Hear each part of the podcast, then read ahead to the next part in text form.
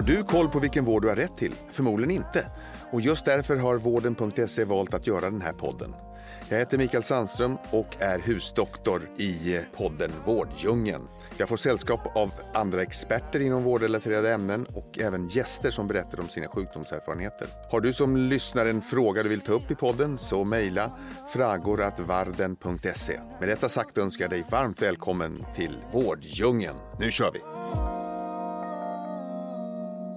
Hej du som lyssnar och eh, varmt välkommen till veckans avsnitt av Vårdjungeln.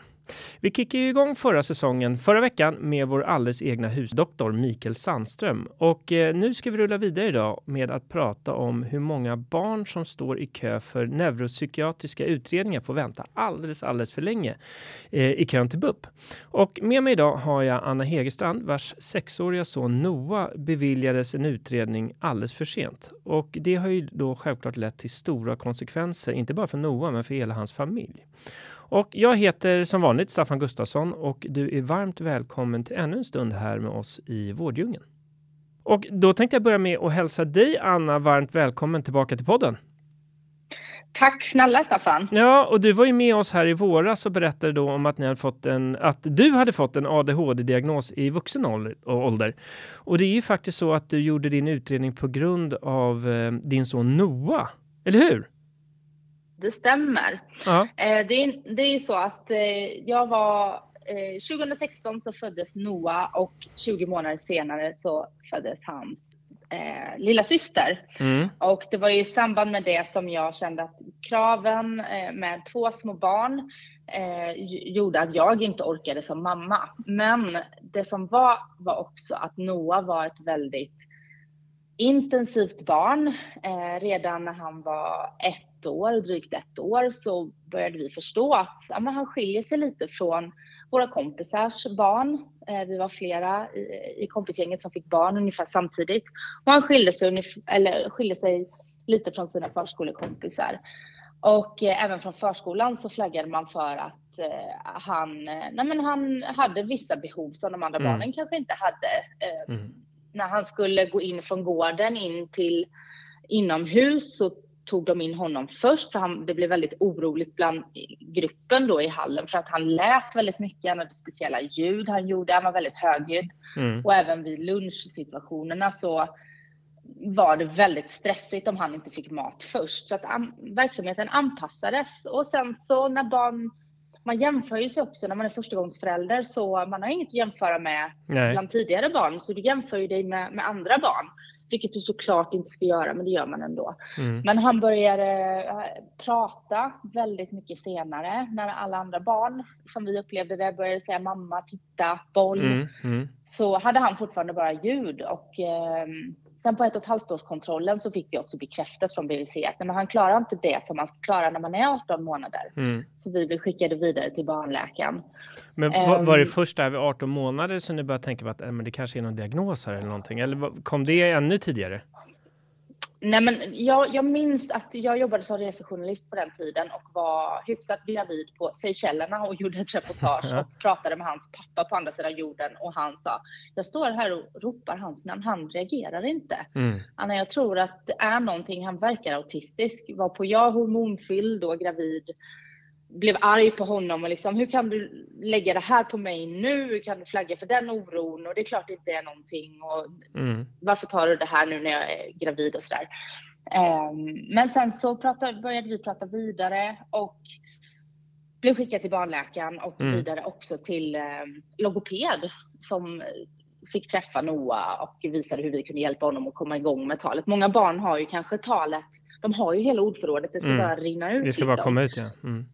Ja, precis. Och sen så på sommaren där eh, när hans syster hade fötts och eh, eh, då så fick jag ett självskattningstest i handen av min barnens pappas bästa kompis som så här, du uppvisar verkligen så tydliga tecken på att du skulle mm. kunna ha en ADHD-diagnos och jag slog ju liksom i taket på det testet. Mm.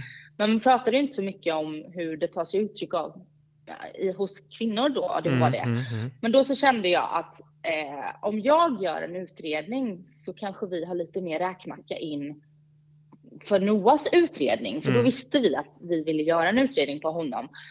Um, och vi visste också att det var långa vårdköer och man vet att ADHD är ärftligt. Och, och, och, vad, och vad fick ni då för gehör för, för omgivningen och framförallt då inom, inom vården? Um, på BUP så angav, sa man att Noah var för liten för att utredas mm. när, när, han var två och ett halvt.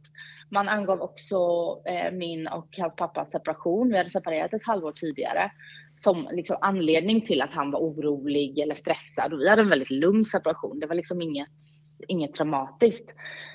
Um, och så att, så att de sa att han är för liten och ni, man utreder inte barn innan fem års ålder för ADHD. Mm. Så att ni är välkomna tillbaka då. Medan vi under den här tiden, de här två och ett halvt åren som vi kämpade vidare för att få en utredning, eftersom vi förstod att det är nog inte bara ADHD och man vet också att det är viktigt att utreda barn för autism så tidigt som möjligt, mm. helst före tre års ålder. Man kan göra det från ett och ett halvt års ålder för att de ska kunna få stöd. Men till slut så orkade vi liksom inte kämpa mer så vi väntar så här. När han är fem, då har vi garanterat att han ska få en utredning och då har vi mm. fortfarande ett år innan han börjar skolan för att kunna anpassa eh, skolformen för honom. Och vad, och vad var Men, det som gjorde till slut att, att ni beviljades en utredning? Det var att han hade så stora svårigheter ja. när han var fem. Och då var vi inne på BUP. Men då så var köerna så långa. Vårdgarantin är tre månader mm. och när det hade gått fem månader så frågade vi vad är våran utredning? Och då kontaktade de en privat vårdaktör som skulle avlasta dem. Och då fick vi, på grund av att vi tjatade och var mm. jobbiga föräldrar, till en utredning inom någon månad. Hur lång tid tar en utredning att göra? All, när han väl fick en utredning så gick det på, jag ska säga en månad. Ah. Och svaret, eller, men problemet var att vi fick vänta så länge där från att vi beviljades så att vi fick hans tre diagnoser. Han har ADHD, autism och Tourettes syndrom. Vi fick dem på papper efter sista ansökningsdatumet i skolan och vi hade ingen rätt att söka en anpassad skolform för honom. Mm. Och, hur, och hur var det att få det där beskedet då? Det var eh, jag blev lättad, men jag blev också väldigt ledsen för att vi inte hade fått gehör tidigare. Och både från, ja men jag skulle säga både omgivningen, eh, familj, vänner till en början, eh, bekanta, eh, tyckte att vi var gnälliga föräldrar och det är jobbigt att ha barn. Mm. Och eh, ni gnäller så mycket. Medan mm. vi har ju vetat så länge. Så att det var också skönt att, att få det här bekräftat att det, det är inte vi som haft mm. fel liksom. En förälder känner ju sitt barn bäst. Mm. Men det var en sorg att inte ha blivit lyssnad på. Nej, och, och, du nämnde där bara lite förbegående att det här innebar ju, det var, det var inte helt bra för er att det tog så här lång tid, för det fick ju konsekvenser för hans skolgång. Men liksom, kan du berätta lite mer precis vad det innebar då att Noah inte fick hjälp tidigare? För er som familj? För oss så innebar det, har det inneburit att Eh, jag har varit sjukskriven för utbrändhet en gång. Hans pappa var sjukskriven för utbrändhet i höstas för vi har inte orkat. Vi har levt som ensamstående heltidsföräldrar och inte kunnat erbjuda barnen en, en trygg liksom, struktur i 2-2-3 upplägg, varannan vecka upplägg utan vi har fått liksom kasta om. Vi har inte kunnat, vi har inte kunnat erbjuda hans syster det engagemang och den tid hon förtjänar. Hon har mm. fått stå i skuggan av honom. Sen har det också inneburit att Noah inte kunde få en anpassad skol, skolform utan han går i en kommunal skola. Han har heltidsresurs. Trots det så orkar han inte vara i den miljön och möta de kraven. Så han har under hösten varit sjukskriven i flera månader. Mm. Ja, och det var precis det jag tänkte fråga sen, för det var inte bara ni föräldrar som blev utbrända och sjukskrivna. Men du, kan du inte berätta lite mer? Nej. För jag har faktiskt aldrig hört att ett så ungt barn eller ett barn överhuvudtaget har blivit sjukskrivet.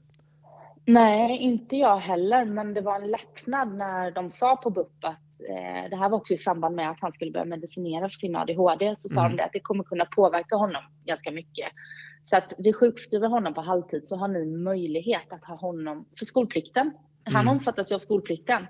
Men då har ni möjlighet att undkomma skolplikten och ha honom hemma om han inte orkar, om han sover dåligt eller eh, mår dåligt Men använda mediciner. Det måste ju ställa oanade krav på er som föräldrar också. Men jag tänkte, ni har ju arbeten och sånt. Och hur, hur togs det här mot er omgivning? Jag har en väldigt bra arbetsgivare. Hade ja. jag inte haft det så hade jag inte kunnat ha kvar mitt jobb. Nej. Eh, jag har blivit lyssnad på på mitt jobb och eh, kunnat få flexibla arbetstider under ansvar, kunnat jobba hemma. Men jag har också tvingats gå ner i arbetstid. Mm. Vi har hämtat Noah redan efter lunch i flera månader under hösten mm. och eh, då har inte jag kunnat få ersättning för vab för Nej. det faller inte under traditionell vab och jag har inte fått lön från min arbetsgivare så det har ju påverkat min ekonomi jättemycket. Mm. Och eh, hans pappa eh, drev eget och det vet ju alla som är egna företagare att det krävs väldigt mycket arbete och det har fått stora konsekvenser för honom. Mm. Um, så att, eh, och även vi separerade och har båda nya familjer. Eh, I min familj finns det också en bonusson och de andra barnen har blivit påverkade. Eh, våra relationer tar ju såklart stryk. Mm. Hela familjerna har ju gått på knäna och mm. värst har det såklart varit för Noah. Mm. Och, det, och hur tänker du nu som mamma eh, framåt? Ja, men framåt, jag skrev ett inlägg på mina sociala medier som var tänkt för att förmedla hur vi har det till de som följer mig. Jag har ganska små sociala medier, mest familj och anhöriga och lite bekanta som följer mig. Men här, eh, den här texten fick ett eget liv eh, så att jag medverkade i lördags i TV4 Nyhetsmorgon tillsammans med skolministern. Mm. Eh, tidningen Mama som är Sveriges största familjetidning har tagit upp texten som en läsarkrönika. Jag har en stor kvällstidning som håller på att göra granskning nu av hela vård och skolsystemet. Så att det har, eh, det har ju hjälpt mig att orka. Jag har över 500 privata meddelanden i, eh, i mina inkorgar från familjer som, som kan mm. relatera. Jag har tusentals kommentarer eh, från politiker, skola och eh, även NPF-familjer som, mm. som känner igen sig. Och det har gjort, gett mig en enorm kraft att verkligen vara rösten utåt för de här eh, som faller mellan stolarna och mm. exkluderas mm. i vårt samhälle. Men för min egen del så ser jag ju det som en större chans att vi får hjälp nu när, när ljuset ligger på vår familj. Och skolan är väldigt behjälplig. De har alltid varit väldigt behjälpliga. Det är systemet de tvingas jobba i som är fel. Mm. Och vi har också fått till nu så att vi får ett SIP-möte med skola, BUP, habilitering, socialtjänst. Eh, så att istället för att som vi sprang på olika möten, jag tror vi sprang på 18 möten under hösten totalt, Oj. vård och skola, så har vi ett möte var tredje vecka, en gång i månaden, där alla instanser är skyldiga att medverka och jobba tillsammans för mm. att skapa en så bra situation för Noah som möjligt. Mm. Och det tror jag inte så många vet om, Nej. att man kan få till det. Och det, från, vilket, eh, från ditt perspektiv, då, vilka förändringar ser du är nödvändiga då i samhället för att det inte ska bli så här för andra? Vi behöver få bukt med vårdköerna mm. eh, framför allt. Barn måste få hjälp i tid. Eh, det ser vi ju i samhället generellt. Nu har Noah turen att ha två föräldrar som är född in, födda in i det här landet, som kan språket, som kan prata för sig, som orkar ta den här kampen. Mm. Hade han varit född i ett annat sammanhang, kanske med föräldrar som inte kan språket, där eh, man av någon anledning inte liksom vill se de här diagnoserna eller svårigheterna. Eh, vi behöver få ett ökat stöd för alla människor i samhället för att man, man eh, väljer ju inte vilket sammanhang man föds in i. Mm. Och sen, så vårdköerna är en sak.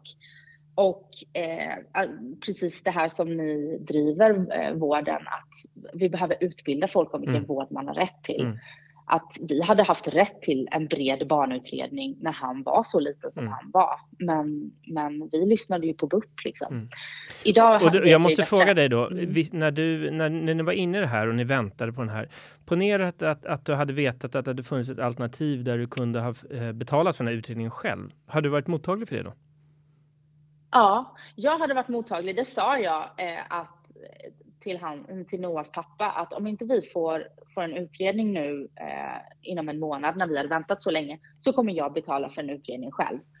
Och det kunde jag ju säga för att jag har möjlighet att göra det. Men alla har inte samma möjlighet som, som jag har och det blir också en eh, alla ska ha rätt till samma tycker jag. Men jag hade gjort det definitivt. Mm. Både för mig själv och för mitt barn såklart.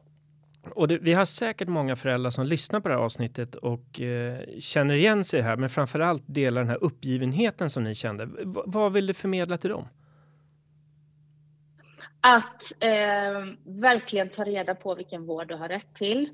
Att sätta ner foten om du orkar och sen att eh, ta kontakt med eh, det finns Facebookgrupper, det finns eh, på habiliteringen kan de förmedla eh, sammanhang där du har andra föräldrar att prata med. Man känner sig så fruktansvärt ensam i den här situationen.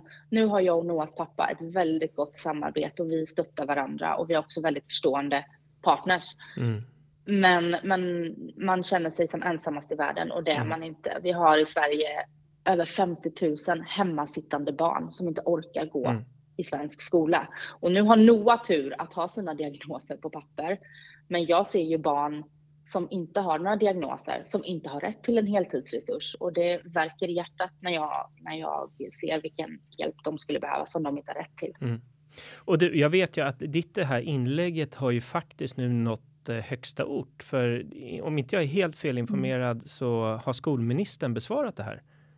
Ja, hon besvarade det.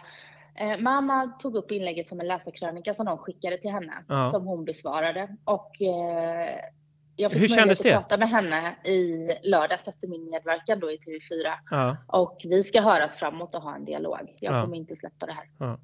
Och du då som är väldigt insatt i det här. Ponera att du satt med regelverket. Hur skulle du se att skola och vården arbetar ihop?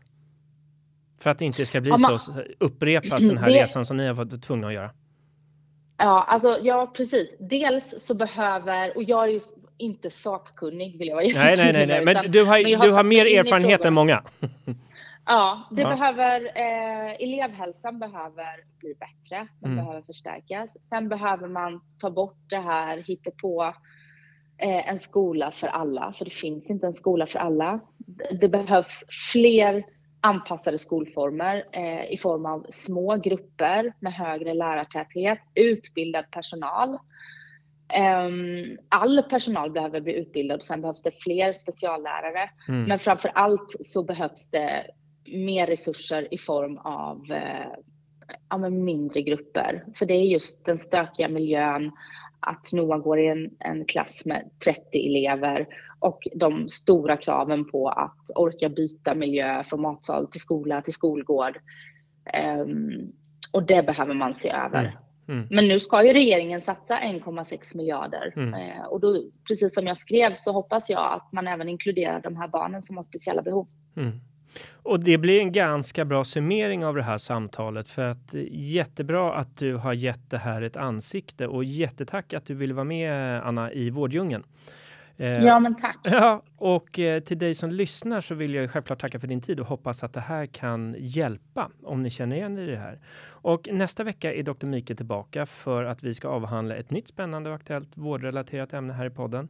Och glöm inte att följa oss på sociala medier och, och såklart så kan du söka all typ av legitimerad vård inne på vården.se och du kan till och med hitta mottagningar som kan hjälpa att göra en bland annat då ADHD-utredning. Så gå in på vården.se och än en gång Anna, jättestort tack. Tack Stefan. Och eh, stort tack till ni som lyssnar. Vi hörs nästa vecka igen. Hej då!